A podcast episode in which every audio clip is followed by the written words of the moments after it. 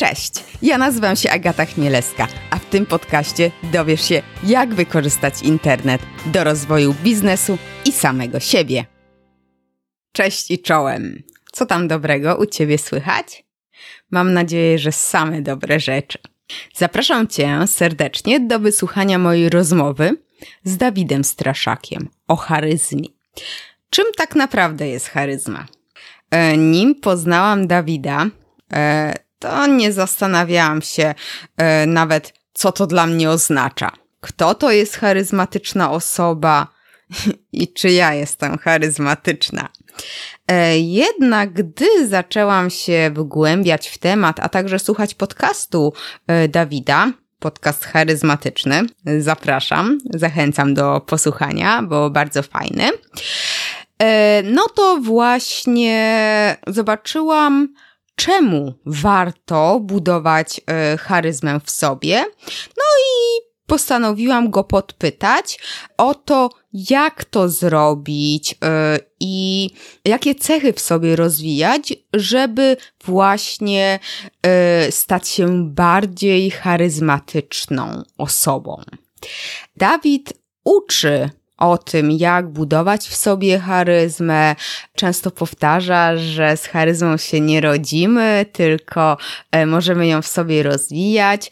E, podpytałam Dawida, e, no czym jest ta charyzma, tak? Jakie mamy typy charyzmy, jakie cechy charakteryzują charyzmatyczną osobę. No i ogólnie dużo, dużo rozmawiamy o charyzmie. No i też Dawid przygotował plan rozwoju, wzmacniania mojej charyzmy. Więc też, też e, będziesz mógł z niego skorzystać. I no i co? Zapraszam do słuchania.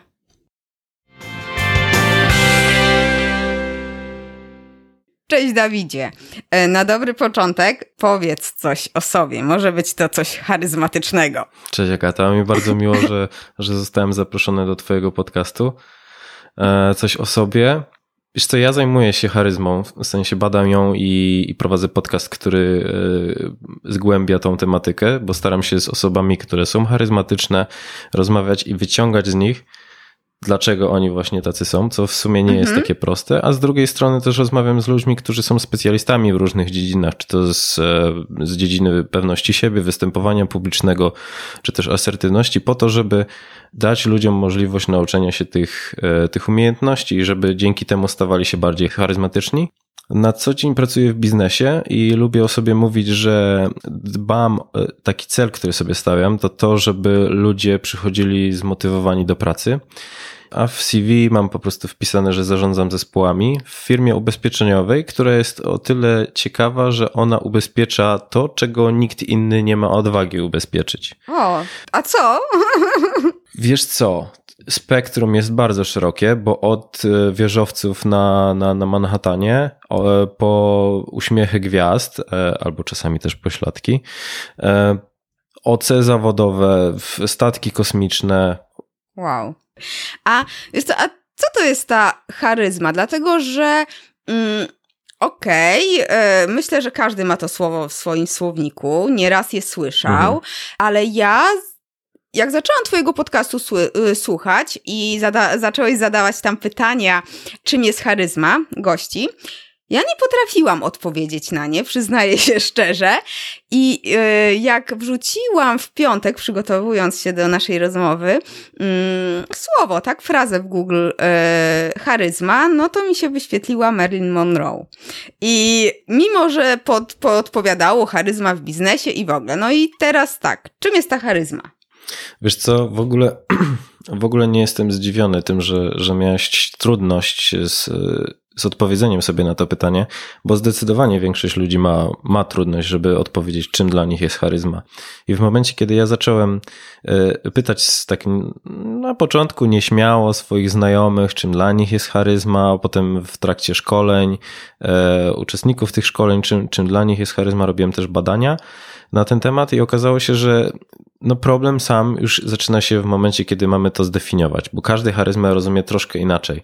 No i z tego wynika bardzo dużo różnych problemów, ale o tym zaraz, mhm. zaraz sobie porozmawiamy. Wiesz co, to co do mnie super trafiło, czym jest charyzma, to jest jednozdaniowa definicja, że to jest płynność wywierania wpływu.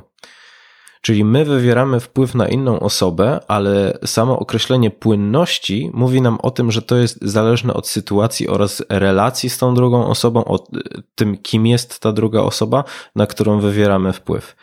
I Myślę, że to też warto pogłębić ten, ten temat, bo ilekroć jest taka sytuacja, w której ciężko jest zdefiniować jakąś, e, jakieś pojęcie, to najczęściej okazuje się, że ułatwieniem jest rozbicie tego na, na kilka kategorii. I w tym przypadku, e, jakim jest charyzma, jest dokładnie tak samo, że w momencie, kiedy my nie jesteśmy czegoś mhm. jednej rzeczy zamknąć w definicji, no to rozwiązaniem jest po prostu podzielenie tego na w tym przypadku style. I Olivia Fox-Caban w swojej książce Mit charyzmy, którą serdecznie polecam, y, właśnie podzieliła charyzmę na cztery style, mhm. chociaż ja teraz w obecnym momencie skłaniam się y, ku temu, że można określić je jako trzy. Mhm. Więc przede wszystkim mamy charyzmę autorytetu, wizjonerską i relacji po kolei, w jaki sposób, na czym one polegają? Przede wszystkim to, jeżeli zastanowimy się nad charyzmą autorytetu, co ono nam daje, to w sytuacjach, kiedy my potrzebujemy, żeby ludzie bez zastanowienia wykonywali nasze mhm. polecenia, mm -hmm. żeby nie podważali tego, e, co, co mówimy, tylko realizowali zadania, które są powierzone przez nas. W jaki sposób ją osiągnąć? I tutaj jakby można to rozdzielić na dwie części. Z jednej strony możemy się skupiać na kwestiach e, związanych z budowaniem swojego autorytetu poprzez poprzednie doświadczenia, czyli e, w jak w Twoim przypadku, Ty jesteś autorytetem w, w dziedzinie marketingu online, więc w momencie, kiedy ludzie e, w momencie, kiedy ty budowałeś swoje wiedzę, swoją mhm. wiedzę i doświadczenie, e, pokazywałeś ludziom, do mnie warto przychodzić i słuchać tego, co mam do powiedzenia w tym temacie. Mhm. Więc to jest jedna, jedna, jeden z obszarów, czyli budowanie takiej wiarygodności poprzez e, poprzednie rezultaty działań. Mhm. I z drugiej strony możemy tutaj dodać też coś, co związane jest taką zewnętrzną reprezentacją, bo okazuje się, że im bardziej mamy na przykład oficjalny strój, czyli jeżeli mówimy o, o jakichś swego rodzaju służbach, czyli ktoś ubiera mundur, kitel, -hmm. Kitel lekarski, tak się mówi? Tak, chyba Czyli tak. Ubranie, leka ubranie lekarza albo po prostu garnitur, to ludzie e, są bardziej skłonni do tego, żeby wykonywać jego polecenia. Wiesz co, ja bardzo lubię używać takich, nazwijmy to, przykładów z domowego podwórka, mm -hmm. żeby ludzie mogli się bardziej utożsamiać z tym. O, ja, ja takie lubię, bo rozumiem je wtedy. Tak, dokładnie, bo e, bo to też jest bardzo charyzmatyczne, żeby używać analogii i porównań, żeby ludzie mogli utożsamiać się z tym, e, o czym mówimy. E, prawda jest taka, że na pewno tego doświadczasz w momencie, kiedy ty nawet nie wiesz, kim są twoi słuchacze podcastu, więc najlepiej jest używać takich przykładów, które trafiają do większej grupy ludzi. Tak. Ale wróćmy do tej charyzmy autorytetu i do, do porównania, e, które zdecydowanie trafi do większości ludzi. Przykładem takiej charyzmy autorytetu jest ojciec, ponieważ w, w, w, zdecydowanej większości przypadków, gdzie do pewnego momentu rozwoju dziecka, w momencie kiedy tata coś powie, no to to jest absolutnie święte i po prostu robi się to bez szemrania. Charyzma wizjonerska. Tutaj mamy do czynienia z taką wizją, która po prostu tworzy wyznawców i jest za sobą w stanie ciągnąć ludzi dla idei, którą ktoś z nich rozpala. Mhm. I w jaki sposób e, budować taką charyzmę wizjonerską, przede wszystkim trzeba być całkowicie przekonanym o słuszności tego, do czego próbujemy, do, do, czego próbujemy nakłonić innych ludzi. I z jednej strony może wydawać się to, to bardzo proste, ale z drugiej zastanówmy się, ilekroć w nas pojawiają się jakiekolwiek wątpliwości, kiedy chcemy na przykład nakłonić kogoś do, do zrealizowania zadania, do którego nie jesteśmy sami przekonani, i to widać. Więc w momencie, kiedy my pracujemy nad charyzmą wizjonerską, to jest szalenie istotne, żeby wierzyć w, w słuszność tego, do czego, do czego mhm. przekonujemy. No i przykładem e, z domowego podwórka jest szalony wujek, e, to jest mój ulubiony e, przykład, który postanawia, że w tym roku, w tym roku cała rodzina jedzie na wakacje. E, czyli załóżmy, że jest tam 16 osób i wiek rodziny rozciąga się od 2 do 80 lat i wujek zaraża wszystkich tą wizją, żeby w tym roku pojechać nad Polskie Morze i bawić się tak jak nigdy, jak nigdy wcześniej. I on zarażając tą wizją, nie tylko mówi im, ej, słuchajcie, chodźmy, jedziemy, będzie fajnie i damy sobie radę, tylko też przedstawia zagrożenia, które mogą po, powstać po, po drodze tego projektu, projekt plaża. Tak. I i pokazuje, co my możemy robić wspólnie, żeby tym, e, tym przeciwnościom losów się przeciwstawić. No i ostatni, ale nie najmniej ważny, to styl związany z budowaniem relacji e, z innymi ludźmi i poświęcaniem im uwagi, bo to, o czym też warto wspomnieć, to to, że ja jestem zdania, że charyzma buduje się na uważności na drugiego człowieka. Czyli tak naprawdę dotyczy to każdego stylu. Czyli w momencie, kiedy my skupimy się na tym, że poświęcamy uwagę drugiemu człowiekowi, czyli on ma mm, poczucie, że my tutaj jesteśmy dla niego i całkowicie mu poświęcamy uwagę, to skłania go do tego, że on, albo może nie skłania, a tyle co ośmiela go do tego, żeby on dzielił się z nami swoimi przemyśleniami, swoimi opiniami. Czasami też to są niepopularne rzeczy, z, e, od których nie dowiedzielibyśmy się, gdybyśmy nie dali przestrzeni temu drugiemu człowiekowi. No i wszystkie kwestie związane z budowaniem relacji, czyli znajomość potrzeb tego człowieka. To szczególnie w, e, przydaje się w biznesie, bo w momencie, kiedy my dochodzimy do takiej sytuacji, kiedy e, załóżmy kupujesz laptopa, mhm. wchodzisz do, do sklepu i podchodzi sprzedawca, który zaczyna zachwalać kolejne, jakby mówisz, tak. że szukasz laptopa i on zaczyna zachwalać kolejne produkty. Ale w momencie, kiedy on poświęciłby czas na, na, na to, żeby zapytać, czego ty tak naprawdę oczekujesz, jak, do czego wykorzystasz tego laptopa i nie uprawiać takiego nazwijmy to marketingu jarmarcznego, czyli mówić ten jest super, ten jest ekstra, bo ja jestem świetnym przykładem. W momencie, kiedy ktoś zacząłby mi wymieniać technologiczne rzeczy, które są w środku komputera, no to ja wchodzę do tego pudełka yy, w, w mojej głowie z napisem nic, bo ja po prostu przestaję to rozumieć. Yy, więc w momencie, kiedy po, taki sprzedawca po, pozwoliłby sobie na tą uważność, żeby zapytać, e, do czego potrzebujesz, do, e, do czego potrzebujesz tego laptopa, w jakich celach będziesz go wykorzystywać, no to jest pewien gwarant tego, że on może nie zawrze transakcji, ale wywrze pozytywny wpływ na relację z tym drugim człowiekiem, ponieważ on po, poczuje się wysłuchany. Przykład z domowego podwórka e, co do charyzmy relacji to starsza koleżanka do której można przyjść mhm. i ona wysłucha. Niekoniecznie będzie służyła radą, ale po prostu da czas na to, żeby, e, żeby opowiedzieć o tym, co u ciebie i będzie słuchała z uważnością, od czasu do czasu dopytywała, e, czy dobrze coś zrozumiała. Tak jak mówisz, to te typy charyzmy, one się bardzo chyba mocno e, przenikają. To, to nie jest tak, że masz ten typ e, charyzmy, już tamtej nie, no bo i autorytet, i załóżmy wizjonerstwo, i, i budowanie relacji, no to mm, ja tutaj widzę dużo powiązań. No tak, zdecydowanie. I tutaj wracamy do tego początku definicji, jaką jest ta płynność wywierania wpływu.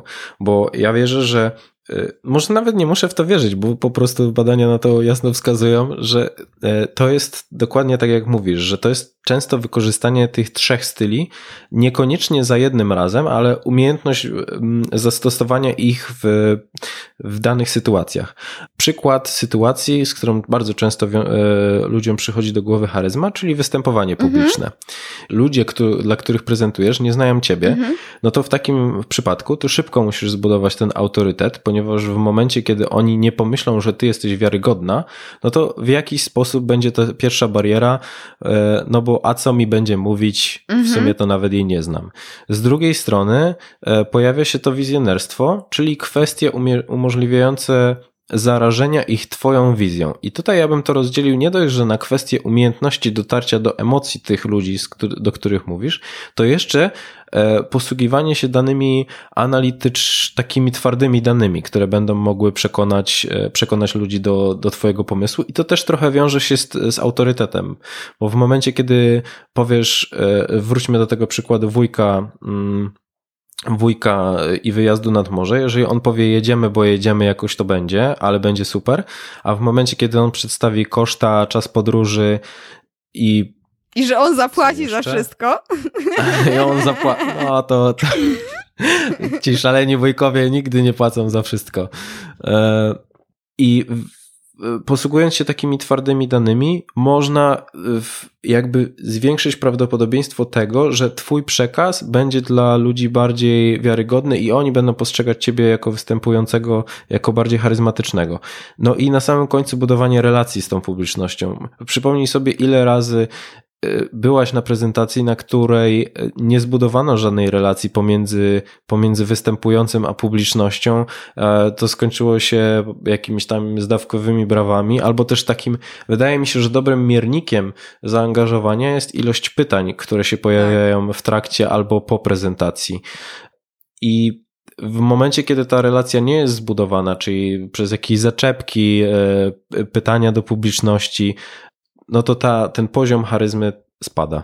A z tego, co mówisz, yy, tak wnioskuję, że to nie jest tak, że my zawsze jesteśmy charyzmatyczni. W pracy yy, możemy być charyzmatyczni, a w domu na przykład charyzmatyczna jest żona bardziej? Oczywiście, że tak. E, ja podchodzę do charyzmy jako narzędzia, które po prostu możemy wykorzystywać w sytuacjach, kiedy jest jest nam potrzebne.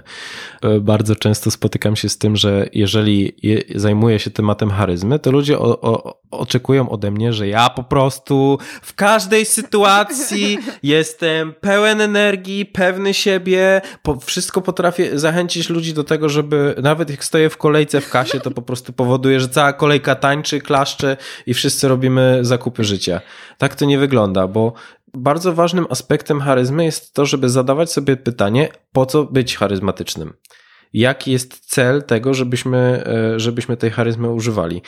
Więc odpowiadając na Twoje pytanie, charyzmę da się włączać i wyłączać w, e, w odpowiednich momentach. I nawet e, tak. Tak, tak, tak okej. Okay. Bo mówisz włączać i wyłączać, a czy ona się sama też włącza i wyłącza, nawet nieświadomie? Hmm. Czy wiesz, no. Myślę, że tak. I tutaj w sumie dochodzimy, bo to jest dobre pytanie, bo my dochodzimy tutaj do tego odwiecznego problemu, czy z charyzmą się rodzimy, czy, z, czy charyzmy da się nauczyć. ja mam taką teorię, teorię związaną z talentem. Jest, tak, jest takie podejście, które mówi, że talent mają osoby, które są w stanie wyciągać wnioski po każdym swoim działaniu i by ulepszać to, co robią, bez informacji zwrotnej z zewnątrz. Czyli e, jeżeli odniesiemy to do, do sportu i na przykład grasz w koszykówkę, mhm to za każdym rzutem, ty wyci- nietrafionym, wyciągasz wniosek, ok, tutaj ręka poszła za daleko, więc następnym razem muszę na to, na to zwrócić uwagę. I ty sobie cały czas dostarczasz tej informacji zwrotnej i dzięki temu stajesz się, stajesz się lepsza.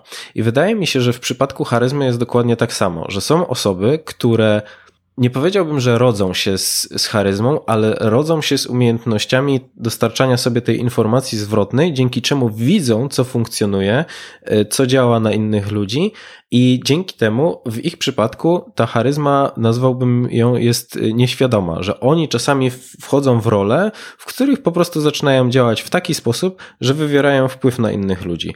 Ale z drugiej strony są ludzie, którzy się tej charyzmy mo mogą nauczyć, e, korzystając na przykład yy, no, czytając książkę e, Mit Charyzmy i wykorzystując narzędzia, które są tam przedstawione. I w ten sposób mogą pracować nad tym, żeby zwiększać poziom charyzmy i wiedzieć, w jakich sytuacjach mogą ją, mogą ją wykorzystywać. I z jednej strony, ja tak bazując na, na sytuacjach, w których, e, w których ja miałem do czynienia z ludźmi, z których uczyłem charyzmy, to widziałem zmiany, które zachodzą w nich i najczęściej, e, czyli w momencie, kiedy oni zaczynali wypowiadać się w bardziej charyzmatyczny sposób, na przykład właśnie e, przedstawia, przedstawiając się tak, że rozwijali od razu wizję tym, tego, czym się zajmują. I to już czasami wystarczało do tego, żeby ludzi bardziej przekonywać do siebie. Albo w momencie, kiedy, e, kiedy pojawia się praca lidera, w której czasami trzeba wpłynąć na inne osoby, no to wykorzystując charyzmatyczne, charyzmatyczne taktyki, tak bym to nazwał, e, możemy wpływać na ludzi, czyli na przykład właśnie używanie e, anegdot albo, albo metafor wpływało na to, że ludzie byli bardziej skłonni do wykonywania zleconych zadań. Hmm. Czy rozwijając pewność siebie, tak, budując pewność siebie, nie rozwijamy też umiejętności właśnie e, bycia charyzmatycznym, bo dla mnie charyzma bardzo mocno e, łączy mhm. się z takim poczuciem, może nie poczuciem własnej wartości, ale to w sumie tak wszystko się przenika, ale właśnie pewność siebie, tak? E, przekonanie do tego, co się mówi, e, taka pewna siebie też postawa. No właśnie, czy to nie jest tak bardzo mocno powiązane? Jest, bo charyzma to jest trochę taka umiejętność wyższego rzędu.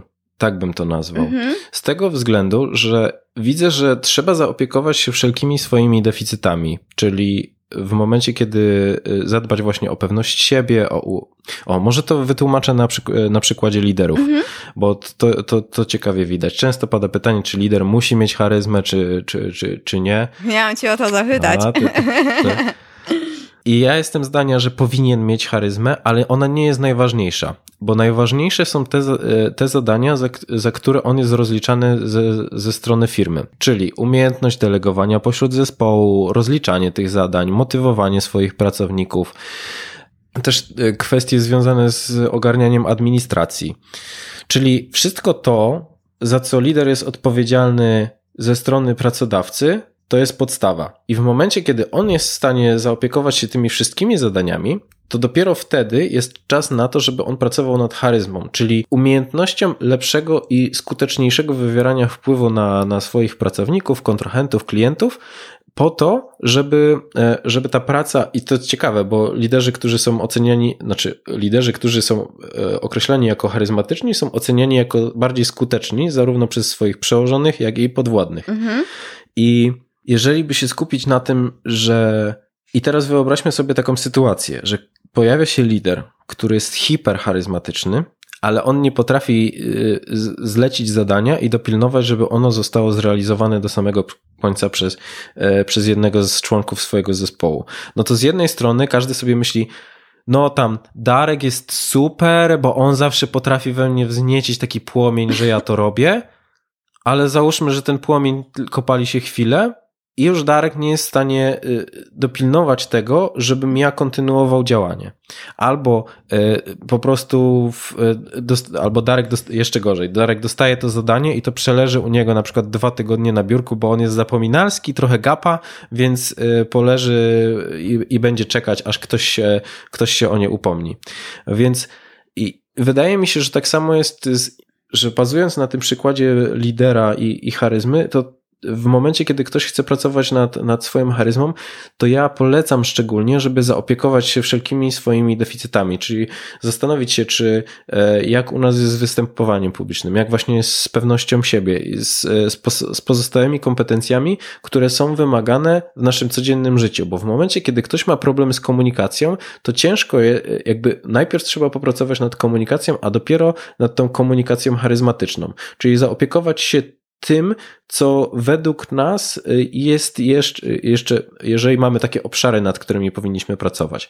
Bo jeżeli używać by przykładu obrazującego, jak, jak można to przedstawiać, to, to charyzma to są takie trochę studia wyższe, a, ale trzeba skończyć podstawówkę i, i y, szkołę średnią mhm. po to, żeby być łatwiej rozumieć to, o czym się mówi na, na, na studiach. No dobra, ja to rozumiem, ale powiedziałeś, że e, lider, te podstawowe jego działania, no to jest właśnie delegowanie, motywowanie. A czy motywowanie nie jest właśnie związane z byciem charyzmatycznym? Bo jak ja zmotywuję, przekonam do zrobienia czegoś, pracowników, jeżeli no faktycznie nie mam tej mm, pewności siebie, pewności co do sensu robienia tego zadania, takiej no, no właśnie wpływowości. Dla mnie to jest taka jedność. No, wydaje mi się, że można zacząć od czegoś bardzo prostego, czyli motywacją dla pracowników jest to, że oni widzą, że ich lider ciężko pracuje. Okej, okay, okej. Okay. No dobra, a bo tak, odwieczny problem taki, czy charyzmy można się e, nauczyć, tak? Dwa zdania są, a też są dwa zdania, czy menedżer jest liderem i czy to są osobne pojęcia, czy to są wspólne. Dla mnie to są zupełnie osobne i mhm. e, i zupełnie to, dla mnie to w ogóle powinny być osobne stanowiska, tak? Bo do roboty, tych takich, do, do robienia rzeczy, tych takich właśnie yy, z efektami, z raportami, wynikami, to jedna rzecz, a druga, właśnie praca taka miękka z zespołem, no to jest druga. I jak to połączyć, żeby faktycznie być takim liderem, który ma wizję i, i zespół za nim idzie, a jeszcze robić rzeczy, tak? Czyli być i produktywnym, i, i samemu potrafić to wszystko ogarnąć. Da się to mhm. połączyć? Wiesz co, to jest, kurczę, to to jest bardzo ciężkie pytanie, bo wydaje mi się, że, że tutaj musimy właśnie wrócić do tej, do tej podstawówki, że w momencie, kiedy lider radzi sobie z, z tymi zadaniami e, i wykonuje, wykonuje je coraz bardziej sprawnie, to stwarza mu się przestrzeń na to, żeby on potrafił właśnie w ten miękki sposób zarządzać zespołem. To też zależy tak naprawdę od organizacji, w której on jest, bo w momencie, kiedy rzeczywiście te kwestie administracyjne nie spadają bezpośrednio na lidera i tutaj też pojawia się słowo klucz, można je delegować na ludzi z zespołu, tym samym samym ich rozwijając. E, I tutaj wtedy najczęściej potrzebna jest charyzma, żeby, e, żeby umieć ich odpowiednio zachęcić do tego, żeby przejmowali na siebie od, odrobinę więcej umiejętności. No ale z drugiej strony, ja nie spotkałem się w swojej karierze z ludźmi, którzy byliby stricte odpo liderami odpowiedzialnymi tylko i wyłącznie za, za rzeczy miękkie. Mhm. W każdej pracy lidera pojawia się ta kwestia administracji, raportów, e, takiego zwykłego sprawdzania rozliczalności z zadań, czy, czy też obecności. No ale skąd na to czas brać? No to nie jestem w stanie. Dobra, to, to jest temat na inną w ogóle rozmowę. To jest taki, dla mnie to jest taki mega ciekawy temat właśnie, jak e, łączyć te robienie rzeczy. Chodzi o to, że u nas specjaliści bardzo często awansują na liderów, kierowników zespołu, a wcale nie, nie czują się i nie chcą uh mhm. -huh. być. Y, oto i teraz połączyć te takie tematy twarde i miękkie, ale tak jak mówię, to jest zupełnie inny temat. Ale wiesz co, chciałbym jeszcze no. o, o, jednej rzeczy związanej z mm, kwestią, czy z charyzmą się rodzimy, czy, no. czy, czy my się jej uczymy w trakcie życia e, dodać.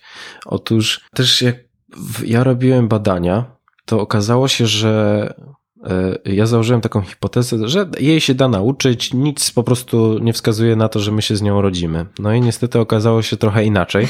E, otóż są w trzy jakby cechy osobowości, które się najczęściej pojawiają u, u, osób charyzmatycznych. Ja akurat badałem charyzmatycznych liderów, bo po prostu to jest najpewniej, żeby w takiej grupie znaleźć ludzi charyzmatycznych.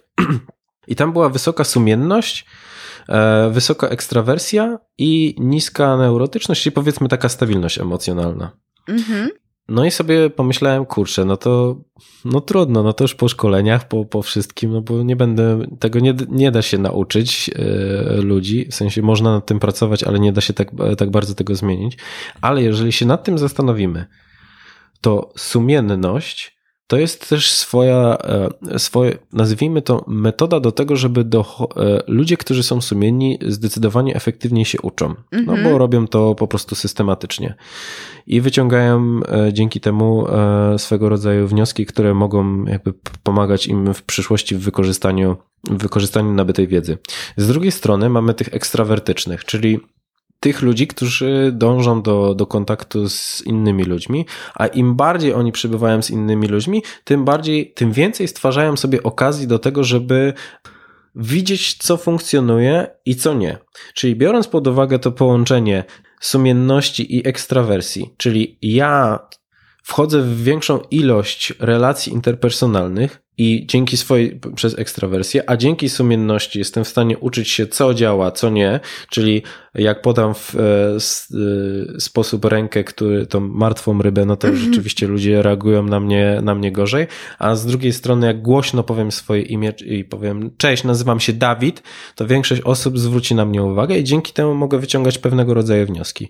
A no, stabilność emocjonalna związana jest z tym, że e, powiedzmy, że ludzie, którzy są niestabilni emocjonalnie, najczęściej są gorzej akceptowani w, w grupach. Czyli w momencie, kiedy my nie wiemy, czego się spodziewać po tym, jak zachowa się Zenek na, na następnej imprezie, to mało prawdopodobne, że, że po prostu na, na kolejną zostanie zaproszony. Mhm. I więc ten zlepek trochę pokazuje, że z jednej strony ludzie się rodzą z pewnymi predyspozycjami, a z drugiej strony e, wszystko rozbija się o kwestię związaną z nauką. I w momencie, kiedy z nauką tych umiejętności, i w momencie, kiedy ja teraz robię wywiady z osobami, które są charyzmatyczne, to to, co jest zaskakujące, to oni mówią, że ja w sumie to zawsze czułem potrzebę do tego, żeby występować na scenie, zawsze e, chciałem być sławny albo popularny, ale mówią, że kurczę, to nie jest tak, że ja po prostu się taki urodziłem, wchodzę na scenę i wszyscy milkną i oczy są wlepione tylko we mnie, tylko to są godziny i godziny pracy. E, przykładowo Y, król Wrocławia, Maciej Kulchawik, y, iluzjonista, y, jest super charyzmatycznym człowiekiem, który na rynku wrocławskim po prostu w minutę jest w stanie zgromadzić wokół siebie setkę osób, ale on powiedział, odpowiadając na pytanie, Maciej, ile ty ćwiczysz dziennie? On powiedział, łatwiej mi powiedzieć, ile ja nie ćwiczę. A dlaczego powiedziałeś król Wrocławia? Bo on ma tak, w ten sposób można go, można go wyszukiwać po prostu w sieci. O, o patrz. A powiedz mi, mm, bo też powiedziałeś, że no jeżeli nawet lider, tak, e, człowiek ma taką moc motywowania ludzi do działania, ale ta motywacja jest e, krótko, krótkotrwała, tak? Czyli trwa pięć mhm. minut i później już, e, już znika i rzeczy się nie robią. Mi na myśl przyszło to, że tak jest często z mówcami motywacyjnymi, nie? Oni wchodzą na scenę i tutaj tak, działamy, zawsze i wszędzie możesz wszystko. Ludzie wychodzą z tego, e, z, tej, z, te, z tego szkolenia, można to tak nazwać, tak, z tej prelekcji, prezentacji i, i to mogą e, zawsze i wszędzie wszystko przez jakieś jeszcze kilka dni, no nie? I właśnie, czy... Myślę, że nawet jeden dzień wystarczy, już potem to opada. No to właśnie, czy tacy mówcy motywacyjni są charyzmatyczni, twoim zdaniem?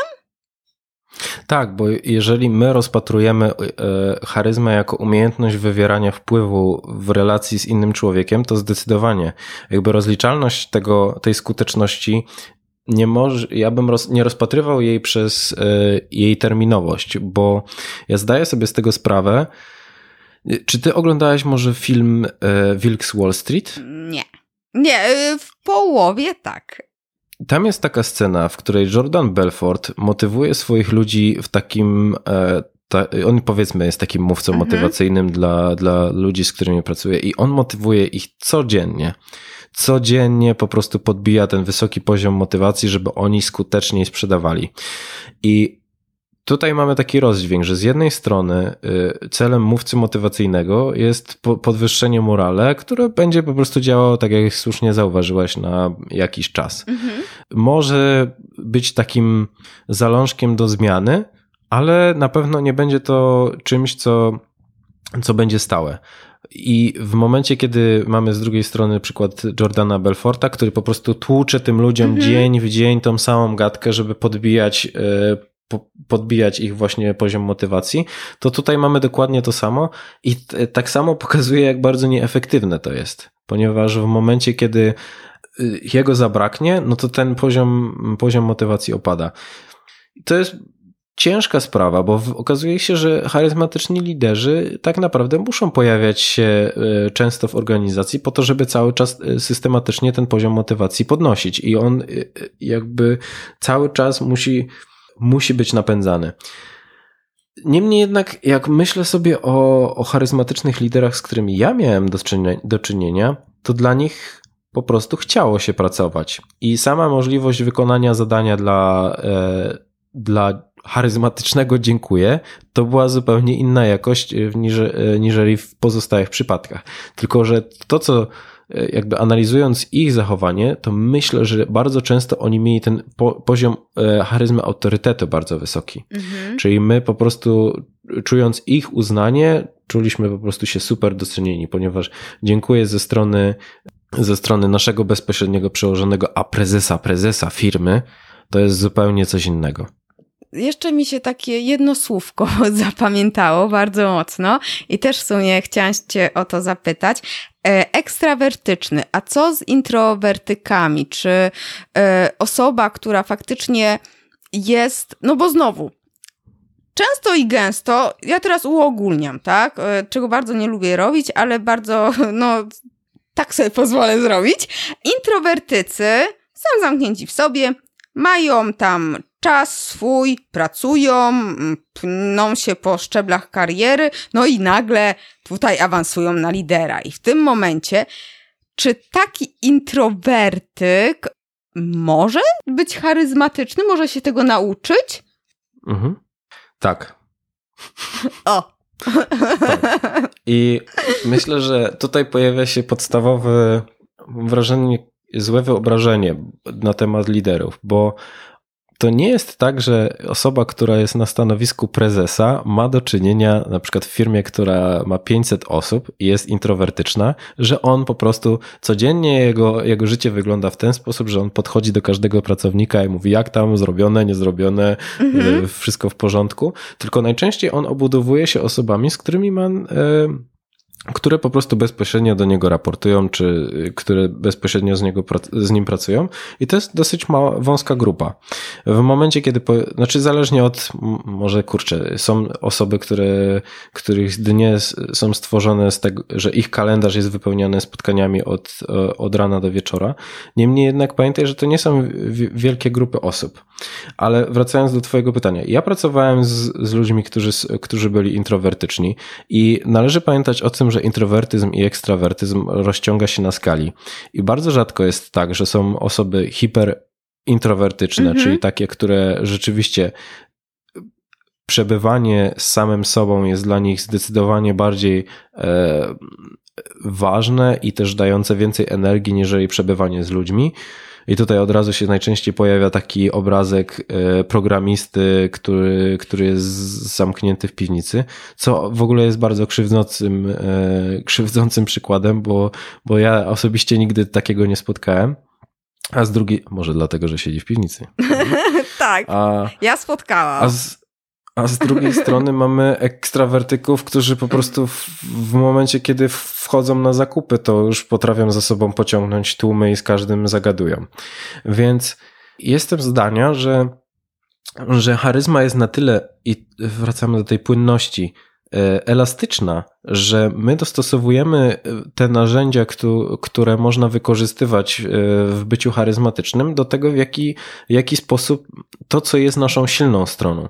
Jeżeli kogoś paraliżują wystąpienia publiczne, myślę, że warto nad tym pracować i umieć dojść do, do wniosku, co powoduje, że, że budzi się we mnie ten strach E, bo to też jest świetna informacja dla nas, ale może się okazać, że e, można też wykorzystywać tą charyzmę w przypadku osób introwertycznych pisemnie. To znaczy, że Antonakis pokazywał w swoich badaniach, że wykorzystując charyzmatyczne taktyki, da się sprawiać, że ludzie częściej retweetują Twojego tweeta. Czyli im więcej jest tych taktyk, tym bardziej prawdopodobne, że oni podadzą to dalej.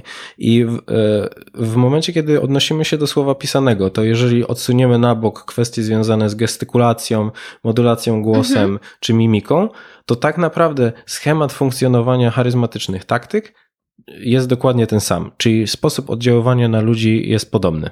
Mhm ale e, bo zobacz, bo jak spytałam właśnie o tego introwertyka, to nawiązałeś do prezesa, ale e, nie tylko prezes jest liderem, także właśnie te mhm. osoby, m, znaczy może być liderem, tak, kierownikiem, o tak, o, zarządzać zespołem, tylko te właśnie osoby pod nim, no nie? I właśnie o takich osobach myślałam, które właśnie poprzez tam, mm, no, powoli, powoli no, awansowali i mają zespół pod sobą. No i teraz pojawia się problem, kurczę, ja muszę być jakimś autorytetem wobec nich, nie? Znaczy, no tak, dla nich. E. I w tym sensie, czy czy stając się kierownikiem, mając pod sobą zespół i czując się mega niepewnie i woląc robić swoje rzeczy cicho, a nie tutaj jeszcze motywować innych, czy ja mam szansę na, na takie, czy to jest po prostu długotrwała robota i czasem po prostu nie ma sensu yy, i po prostu sobie być. To znaczy, to już przestrzegam, że w ogóle praca nad charyzmą jest długotrwała i to nie jest rzecz, która yy, którą zmienia się w jeden dzień, chociaż są pewne, pewne sztuczki, ale Zdecydowanie tak. Jeżeli ktoś czuje, że, że to jest, e, że jak my psychologowie mówimy, że ktoś ma zgodę na proces, czyli jeżeli okay. jest w nim zgoda na proces e, zmiany dotyczącej tego, że on chciałby zmienić sposób funkcjonowania w tej organizacji, czyli właśnie nabrać tej charyzmy, ja jestem trochę zdania, że każdy lider powinien ją mieć, że z jednej strony są zadania, zespoły, działy, organizacje, które po prostu mają biznes, który idzie, idzie ok. Po prostu trzeba sprawdzać, czy wszystko funkcjonuje jak należy, od czasu do czasu naoliwić maszynę i to wszystko. To w takich sytuacjach ten lider, czy ja wiem, czy on musi być taki super charyzmatyczny i porywać ze sobą ludzi, ale w momencie, kiedy przeprowadzamy ludzi przez zmianę, no to mhm. wtedy zdecydowanie, jeżeli zmieniamy biuro, jeżeli pojawia się nowy klient, jeżeli pojawia się nowy produkt, to wtedy zdecydowanie pojawia się, albo jeszcze gorzej, ogłaszamy jakieś niepopularne decyzje, czyli zamykamy jakiś dział, coś przenosimy, e, ktoś zostanie pokrzywdzony, no to zdecydowanie w takich sytuacjach ten lider charyzmatyczny musi się pojawić, znaczy powinien się pojawić. E, niemniej jednak, jakby odpowiadając już dokładnie na Twoje pytanie, jestem zdania, że, że nawet introwertyczni, introwertyczni liderzy są w stanie być charyzmatyczni, bo tego naprawdę da się nauczyć, ale z drugiej strony wydaje mi się, że to zależy od tego, e, od podejścia lidera. Bo jeżeli sama użyłaś takiego określenia, że on robi swoje, jakbyś nie chce być eksponowany, to wydaje mi się, że tutaj pojawia się pewien swego rodzaju problem. Mhm. Jasne. No tak, no ta chęć musi być i też myślę, że nie każdy musi się, no w ogóle chęć, ale żeby była chęć, no to trzeba sobie uświadomić, że coś ze mną jest nie tak, a często, znaczy nie, nie tak, jest, to nie jest wcale nie tak, bo ja jestem osobą introwertyczną, więc to nie jest nie tak. E, jak najbardziej to jest fajne, ale, ale tak, trzeba sobie właśnie zobaczyć, że okej, okay, to ja jestem introwertykiem i żeby móc lepiej, no. Z, zostańmy od razu, popatrz, jesteś introwertyczna i też znalazłaś ujście dla swojego introwertyzmu, ale też umiejętności dzielenia się wiedzą. No bo z jednej strony blog, z drugiej strony podcast i popatrz, mimo tego, że ty jesteś osobą, osobą, która no, introwertyczna, czyli te, te, te relacje e, z innymi ludźmi kosztują cię też e, energię, czyli w momencie, mm -hmm. kiedy pewnie wychodzisz na imprezę, no to... No rzadko chodzę. To, no o, o, właśnie, o właśnie, o tym mówię. To znalazłaś sposób do tego, żeby, który jest odpowiedni dla twojego typu osobowości. I ja jestem przekonany, że w momencie, kiedy ktoś jakby szuka sposobu, to w końcu go znajdzie. Mm -hmm. Tak samo jak w Twoim przypadku. Jasne. No to. No to jest nadzieja dla wielu osób. A właśnie, mm, jak się mówi o charyzmie w biznesie, to zwykle przywództwo, liderzy, a co z takimi po prostu pracownikami? Czy, no właśnie, czy tutaj też y, w ogóle warto nad tym pracować? W ogóle, czy warto o takich rzeczach pisać w CV? Halo, halo, jestem charyzmatyczny, to jest moja cecha pozytywna. To znaczy, to rozbijmy to na dwa pytania. Dobra. Czyli, czy tylko liderzy? Zdecydowanie nie. W każda, każdej sytuacji, w której przychodzi nam do kontaktu z inną osobą, czyli nawet spotkałem się z takim określeniem, że charyzma to jest cecha relacji, a nie osoby. Czyli w momencie, kiedy my wchodzimy w interakcję z innymi osobami, to, to wtedy charyzma jest jak najbardziej potrzebna. Z tego względu podaję przykład z mojego osiedla. Mhm. Pani w żabce która charyzmatycznie sprzedaje. Za każdym razem, kiedy ona jest jakieś, przy kasie zawsze jest jakaś rzecz w promocji, w momencie, kiedy, kiedy dochodzi do tego, kiedy osoba już chce płacić i ona pyta, a może jeszcze dodatkowo do, e, do tego jakiś produkt, o którym mówi e, jakby indywidualizuje e, sposób dotarcia do, do klienta, czyli mówi, że o, wygląda pan na zmęczonego, to może pokrzepiłby pan się batonikiem. W momencie, kiedy ktoś, kiedy ktoś bierze tego batonika, to ona mówi na to, gratuluję wyboru. I wiesz, to sprawia, że o, ludzie chcą częściej e, przebywać z taką osobą, bo nawet jeżeli nie chodzi zupełnie o tego batonika, czy to, czego oni, e, ona im dostarcza, to wpływają pozytywnie na jej nastrój. Mam też e, bardzo, no nie wiem, zaprzyjaźnionego jednostronnie kasjera w, w hipermarkecie, do którego zawsze, do którego zawsze chodzę, nawet jeżeli kolejka jest większa, tylko dlatego, że on zawsze opowiada mi o wszystkich promocjach, co wydarzyło się w sklepie. Z tego względu, że on przejawia tak, takie formy, e, formy takiej charyzmy e, relacji. Mhm. I najczęściej pamięta też, jakie produkty ja kupowałem. Więc, ale idąc dalej, prawda jest taka, że w każdym zawodzie, w którym mamy do czynienia z ludźmi, czyli jeżeli jesteśmy w obsłudze klienta, e, to tutaj możemy pójść w tą, w tą charyzmę związaną z charyzmą relacji, czyli w momencie, kiedy my mówimy, że tak bardzo, ja, zależy mi na tym, żeby twoje żeby twoja sytuacja e, czy twój problem, z którym do nas przychodzisz, był jak najbardziej rozwiązany. Ludzie, którzy czują, że oni są, będą wysłuchani, e, jakby częściej będą polecać dany produkt czy daną firmę. W przypadku sprzedawców dokładnie tak samo. Zbudowanie tej wiarygodności, czyli tego autorytetu, mhm. potem zarażenie wizją. Ty tego potrzebujesz dla jakiejś konkretnej przyczyny i dodanie do tego takich twardych danych powoduje, że my zwiększamy prawdopodobieństwo tego, że sprzedamy dany produkt. Więc ogólnie wydaje mi się, że praktycznie w każdym zawodzie, w którym mamy do czynienia z innymi ludźmi, charyzmę możemy, e, możemy wykorzystywać. I ciężko mi jest dojść, dlaczego, dlaczego ta charyzma jest łączona najczęściej z liderami, ale wydaje mi się, że, że tam po prostu najczęściej się tego wymaga od ludzi. Jasne. Ale to jak e, szef i pracownik oboje są charyzmatyczni, to chyba musi duża samoświadomość być, żeby tam nie doszło do jakichś mocnych starć, co?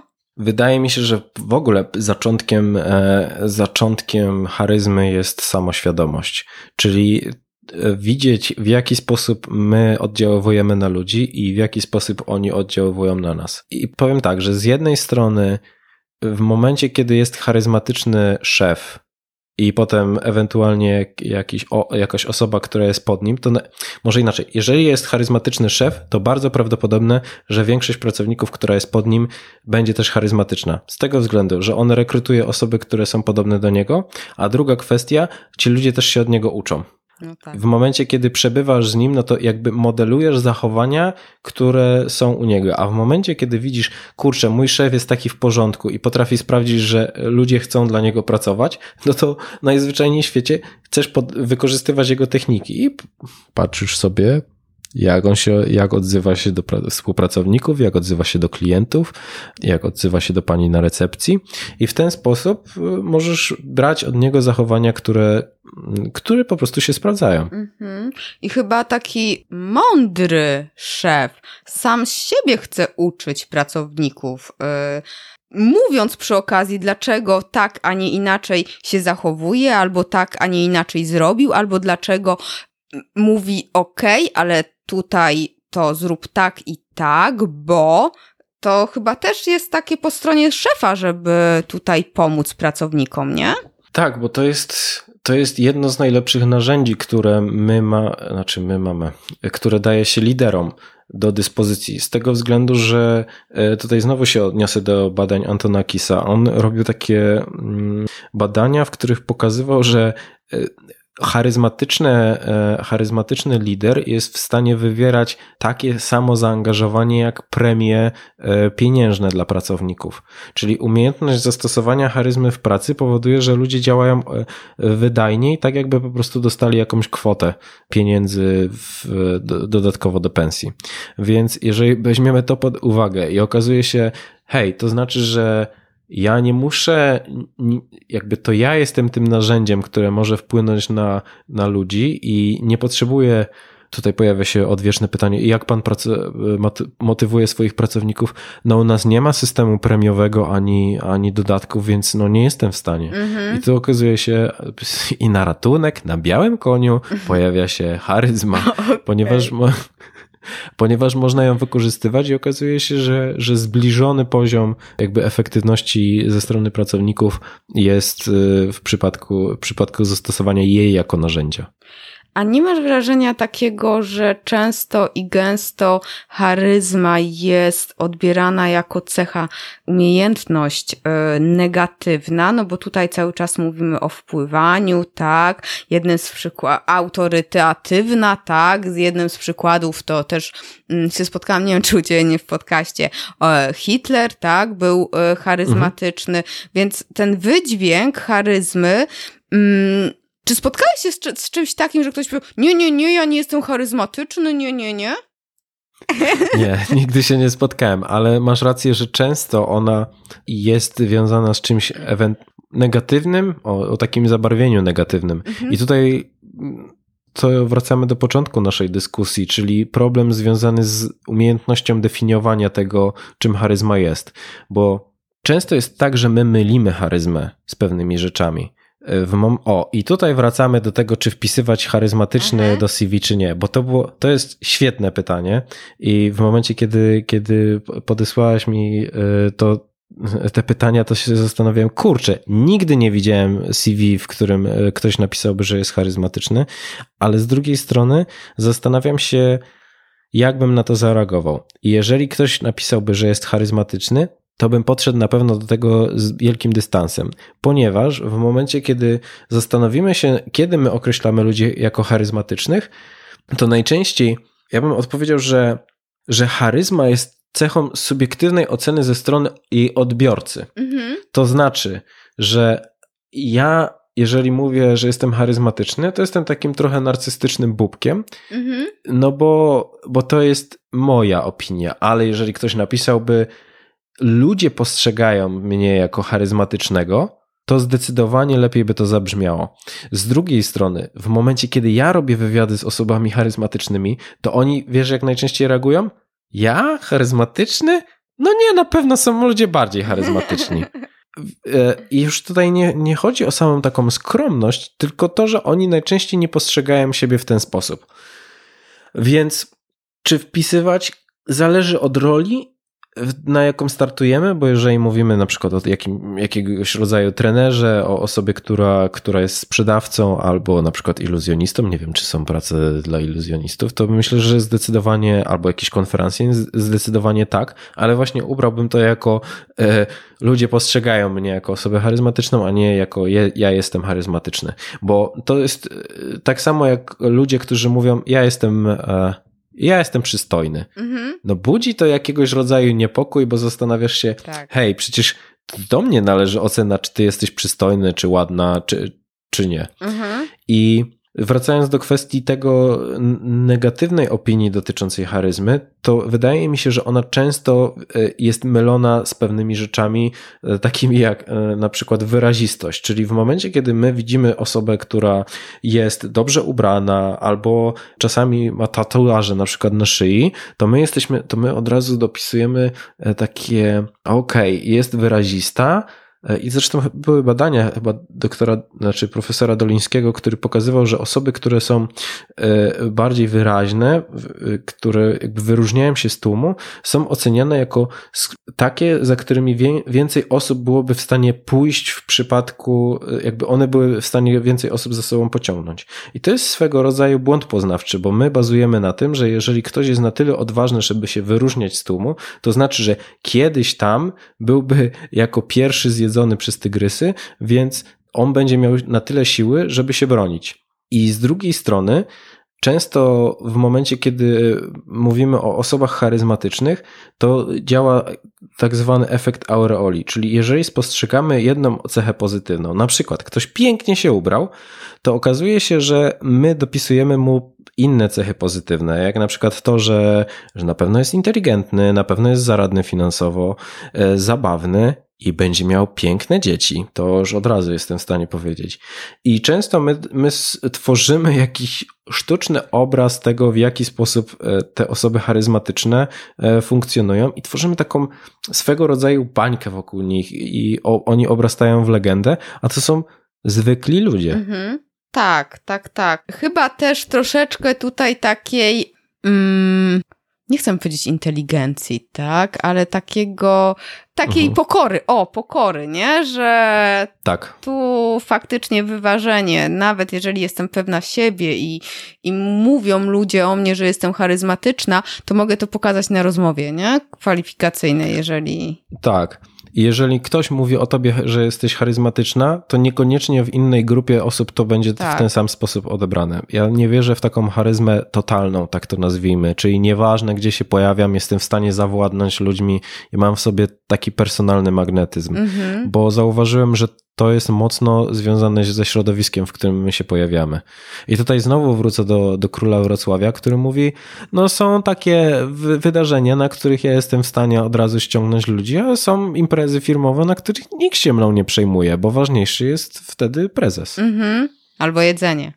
Albo jedzenie, albo drinki. Tak, o, to tak, tak. Open bar. To, to na pewno. A czy można jakoś uodpornić się na osoby charyzmatyczne w ten taki troszeczkę wykorzystujące te swoje umiejętności, tą pewność siebie, wpływające za bardzo? Czy właśnie jakoś można wypracować w sobie taką asertywność też? Bo to też, no. Mhm. Tak, y, myślę, że asertywność jest słowem kluczem tutaj. W momencie, kiedy czujemy, że, że ktoś ma nad nami, powiedzmy, swego rodzaju władzę i nie jesteśmy w stanie bronić się przed, przed nim, to myślę, że najprostszym e, rozwiązaniem, które przychodzi mi tutaj do głowy, to zakomunikowanie tej osobie, że wywiera na nas taki wpływ i, z którym, i dzięki temu, w jaki sposób ona się zachowuje, my po prostu stajemy się jakby trochę podlegli. Czyli w momencie, kiedy my jakby podzielimy się e, tymi obserwacjami, zakładając, że to nie jest super zły człowiek, który jeszcze bardziej to wykorzysta, e, to dzielimy się trochę tą odpowiedzialnością za, za wpływ te, tej osoby na nas z nią. Czyli mówimy, słuchaj, ja bardzo źle się czuję w, w sytuacjach, kiedy jesteśmy jeden na jeden, ponieważ ty masz nade mną jakąś magiczną moc i ja po prostu realizuję niektóre zadania, które mi zlecasz wbrew sobie. Więc chciałbym, żeby żebyśmy z- spróbowali znaleźć rozwiązanie, jak możemy to ograniczyć. Czy ja mam za każdym razem ci mówić o, o tym, w jaki sposób się czuję w tej sytuacji. Mhm. To oczywiście w idealnym świecie, bo domyślam się, że często no, nie, nie, nie są sprzyjające Mhm. warunki, ale stawianie granic i informowanie o tym, czyli wracamy tutaj trochę do samoświadomości. W momencie, kiedy jesteśmy w stanie zdefiniować sytuacje, w których dana osoba wpły, wpływa na nas w sposób, jakiego byśmy sobie nie życzyli, to wtedy możemy sobie odpowiedzieć na pytanie, co zrobię następnym razem, żeby ta sytuacja się nie powtórzyła. Co powiem, jak zareaguję. Mhm. No tak, y, rozmowa. W wielu przypadkach się sprawdza, może pomóc, w, w wielu, tak jak mówisz, y, to może być trudne, jeżeli faktycznie jest ta taka. e, Wiesz, No. bo y, może rzeczywiście ja to przedstawiam w takim trochę idealnym świecie, bo jeżeli ktoś jest super charyzmatyczny i, i ma nad nami, no, czujemy, że, że on wywiera na nas y, wpływ, którego my byśmy sobie nie życzyli, to niekoniecznie ktoś musi mieć odwagę do tego, żeby, żeby w ten sposób się z, y, zareagować, więc też możemy poprosić kogoś innego o pomoc, czy to, czy to kolegę w pracy, jeżeli to jest środowisko, y, środowisko biznesowe, albo ewentualnie przełożonego, tego przełożonego. Mhm. Ale powiem tak, że ja naprawdę nie spotkałem się z osobą, którą określiłbym charyzm, jako charyzmatyczną, która nie wywoływałaby uśmiechu na moich ustach. Że jeżeli sobie przypominam te osoby, które były, które miały charyzmę, to zawsze to byli bardzo w porządku ludzie i nigdy nie doświadczyłem niczego, a może inaczej, jeżeli doświadczałem czegoś złego z ich strony, to raczej bym to określał jako wymagania ze strony biznesu, które oni musieli zrealizować, niżeli coś, co było spowodowane tym, że, że oni wykorzystywali y, swoje zdolności. Mhm. Ja znam, ale faktycznie jedną osobę i, i stąd tak dlatego ten temat tak e, drążę. Faktycznie spotkałam się z taką osobą, obserwowałam e, z boku to zachowanie i, i było właśnie trudno rozmowa, bo było negowanie tego i raczej e, dochodziło do mm, mocniejszych starć, ale odchodząc od takich smutnych i e, niefajnych przykładów, powiedz mi, jeżeli dziś bym chciała, czuję potrzebę bycia bardziej charyzmatyczną, to jaki pierwszy krok bym mogła zrobić? Taki mały albo trochę większy? Słuchaj, ja ci przygotowałem całą listę, e, bo stwierdziłem, że, że od razu się tobą w pełni zaopiekuję. E, że... Więc przede wszystkim to e, zastanowić się nad zagospodarowaniem deficytów w Twoim przypadku, czyli ewentualnie, które z obszarów są według Ciebie najsłabsze i nad którymi czujesz, że powinnaś pracować. Ja też e, do charyzmy podchodzę tak mega holistycznie, czyli na przykład biorę pod uwagę również dietę mhm. albo ćwiczenia fizyczne, ponieważ w momencie, kiedy e, jakby nie, nie, nie rób takiej, takiej miny, nic się nie bój, to nie chodzi o to, że ja cię zaraz zapiszę na crossfit, e, tylko chodzi o, o dbanie też zarówno o swoje ciało pod wieloma względami, bo zdaję sobie z tego sprawę, że w momencie, kiedy my wchodzimy w taką zmożoną interakcję z innymi ludźmi, ludźmi, to ważne jest to, żebyśmy też zaopiekowali się tym naszym stanem fizycznym, żebyśmy po prostu byli w stanie funkcjonować na najwyższych możliwych obrotach, tak wysokowydajnie, tak bym to określił. Więc zaczynając od właśnie od twojej diety, od, od, od, od ćwiczeń fizycznych, od e, kompetencji, które posiadasz, a nad którymi chciałabyś popracować, co uważasz, że e, ogranicza cię, i z drugiej strony zastanowić się nad tym, co jest też w tobie mocnego, bo to będzie najczęściej takim znakiem rozpoznawczym e, dla ciebie. Mhm. Potem e, określić cel. Gdzie ty tę charyzmę chciałabyś wy wykorzystywać? W jakich obszarach? Czy w życiu prywatnym, czy w życiu zawodowym? I im bardziej detalicznie będziesz w stanie to określić, e, tym lepiej. Mhm. Czyli tak, mamy deficyty, mamy mocne strony, potem określamy, gdzie ta charyzma, e, charyzma się ma pojawiać. No i teraz zmieniać się mindset, przepraszam, taki stan, e, stan ducha? Tak. Podejście na obserwowanie siebie i innych. I jeżeli prac, zaczynasz pracę nad charyzmą, to chciałbym, żebyś skupiła się na, na tym, w jaki sposób ty wchodzisz w relacje z innymi ludźmi, co na nich działa, jak obserwujesz innych, jakie są ich relacje, to też obserwuj i wyciągaj dla siebie to, co najbardziej ci się spodobało. Czyli jeżeli zobaczyłaś, że w momencie, kiedy jesteś na, e, nie wiem, w sklepie i widzisz, że sprzedawca e, dotknął klienta, i patrzysz, w jaki sposób e, ten klient zareagował, to to jest dla ciebie informacja. Czy on się cofnął -hmm. i mhm. był speszony, czy to sprawiło, że, że jakby więź się zacieśniła. Więc obserwowanie zarówno tego, jak ty reagujesz w relacjach, i z drugiej strony wszystkiego, co dzieje się wokół ciebie i wyciąganie z tego wniosków. Mm.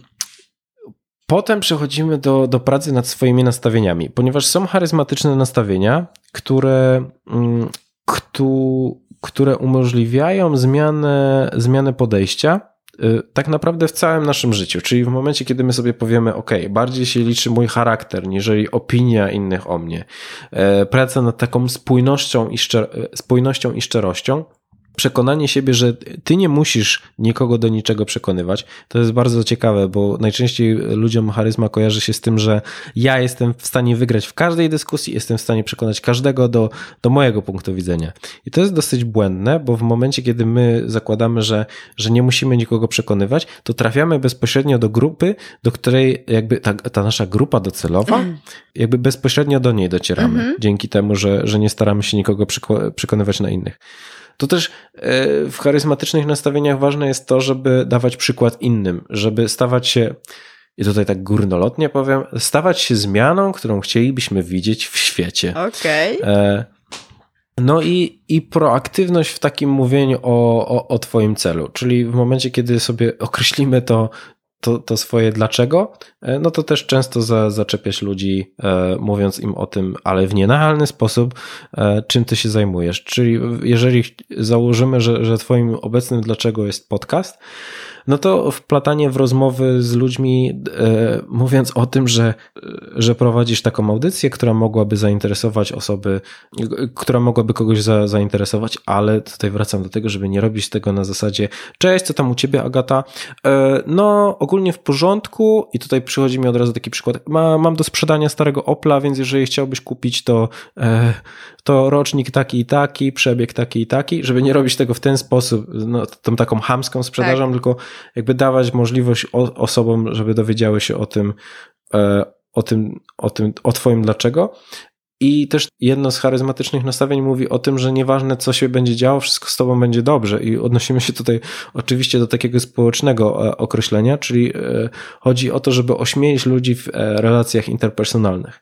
Że zdecydowana większość działań, które my podejmiemy w interakcjach z innymi ludźmi, nie skończy się raczej dla nas klęską, którą my często budujemy sobie w głowie. I też Tomasz Marzec, który, który zajmował się relacjami e, damsko-męskimi, często opowiadał, że w momencie, kiedy on ośmielał swoich klientów do no, na przykład podejścia do, do, do dziewczyny, no to w momencie to, co oni mieli w głowie, a co może się wydarzyć, kiedy, jeżeli oni podejdą, a taki finał był całej tej, całej tej e, sytuacji, przekonywało ich do tego, że nieważne co, w zdecydowanej większości przypadków wszystko będzie z nimi ok. Że, że często my sobie wyobrażamy tragiczne scenariusze, które tak naprawdę nigdy się nie realizują. No i Ostatnia, ale nie najmniej ważna, to kwestia związana z pracą nad takim warsztatem, czyli e, to, w jaki sposób wyglądamy, żeby tworzyć ten wygląd świadomie, czyli określać sobie, w jaki sposób ja chciałbym się czuć w danych ciuchach, w jaki sposób chciałbym być odbierany i czy rzeczywiście, mając ten rodzaj fryzury, koszulki e, i, i, i spodni, wytwarzam takie wrażenie w ludziach, z którymi się spotykam. Praca nad mową ciała, czyli obserwowaniem siebie, czy przypadkiem nie jestem zbyt wyprostowana i przez to ludzie mogą się bać, albo z drugiej strony, czy nie garbię się siedząc cały czas przy, przy komputerze. No i myślę, że, że tyle na początek, a potem przyjść do mnie po kolejną porcję. Na, na początek, okej. Okay. Tutaj widzę dużo takiej e, mindfulness, tak? Samoświadomości, e, obserwacji siebie, innych i takie no... Yy analizowanie i wyciąganie wniosków. Dużo, dużo mhm. takiego mhm. myślenia chyba. Zdecydowanie tak. Myślę, że, że to jest jedna z ważniejszych kwestii, bo obserwacja daje nam tą możliwość, że my jesteśmy jakby w trakcie treningu cały czas, bo to, co jest najtrudniejsze w charyzmie, to to, że ludzie, z którymi my mamy do czynienia, za każdym razem są trochę inni. Czyli każdy człowiek może reagować w zupełnie inny sposób.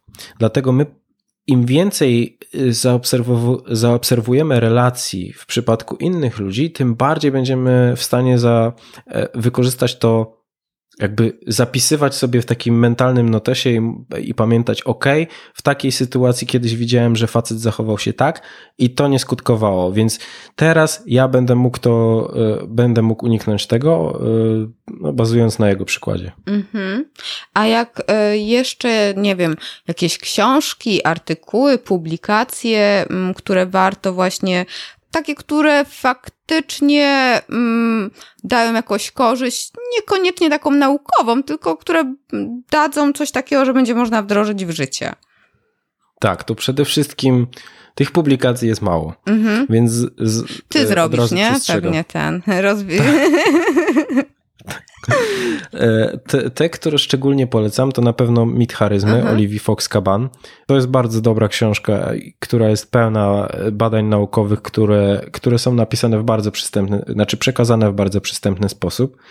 E, kanał na YouTubie Charisma on Command e, Charlie'ego Huperta. Ona jest niestety tylko w języku angielskim nie wiem, czy są już, już napisy, napisy polskie. To jest właśnie takie połączenie trochę umiejętności wywierania wpływu, ale też y, Charlie robi takie analizy na przykład sławnych ludzi, skąd wynika na przykład y, charyzma, y, nie wiem, powiedzmy Spidermana mhm. i analizuje. Więc może być też tak mocno rozrywkowo. I grę o Tron on tam mocno analizował, więc myślę, że znajdą się fani. Jeżeli ktoś byłby zainteresowany bardziej światem naukowym, no to to jest bardzo jeden z takich chyba najpopularniejszych badaczy i w sumie ich jest na tyle niewielu, że, na tyle niewielu, że, że jedynym to jest Antonakis, który bardzo dużo badań naukowych dotyczących charyzmy, charyzmy opublikował. Ja też polecam jego, jego TEDa czy TEDxa. On bodajże nazywa się Charisma Matters. No i twój podcast, prawda? E, tak, no jeżeli ktoś miałby, miałby ochotę i byłby ciekawy, w jaki sposób pracować nad tymi umiejętnościami, to zapraszam. Tak, ja na pewno podlinkuję do, do miejsc w sieci, gdzie można Ciebie spotkać, zagadać, posłuchać i podlinkuję też do mm, materiałów, które polecasz. No i ja Ci bardzo dziękuję. Już wiem, co robić, na czym pracować. To ja bardzo dziękuję. Dla mnie było super. To zawsze przy, przyjemnością są, są wywiady, ale ten z Tobą to ja też dopiero spojrzałem na zegarek i zobaczyłem, że, że zleciało to nie wiadomo kiedy, więc super się bawiłem. No i mam nadzieję, że, e, że słuchacze też znajdą coś dla siebie. No i dziękuję jeszcze raz. Dzięki, hej, trzymaj się. Pa. Cześć.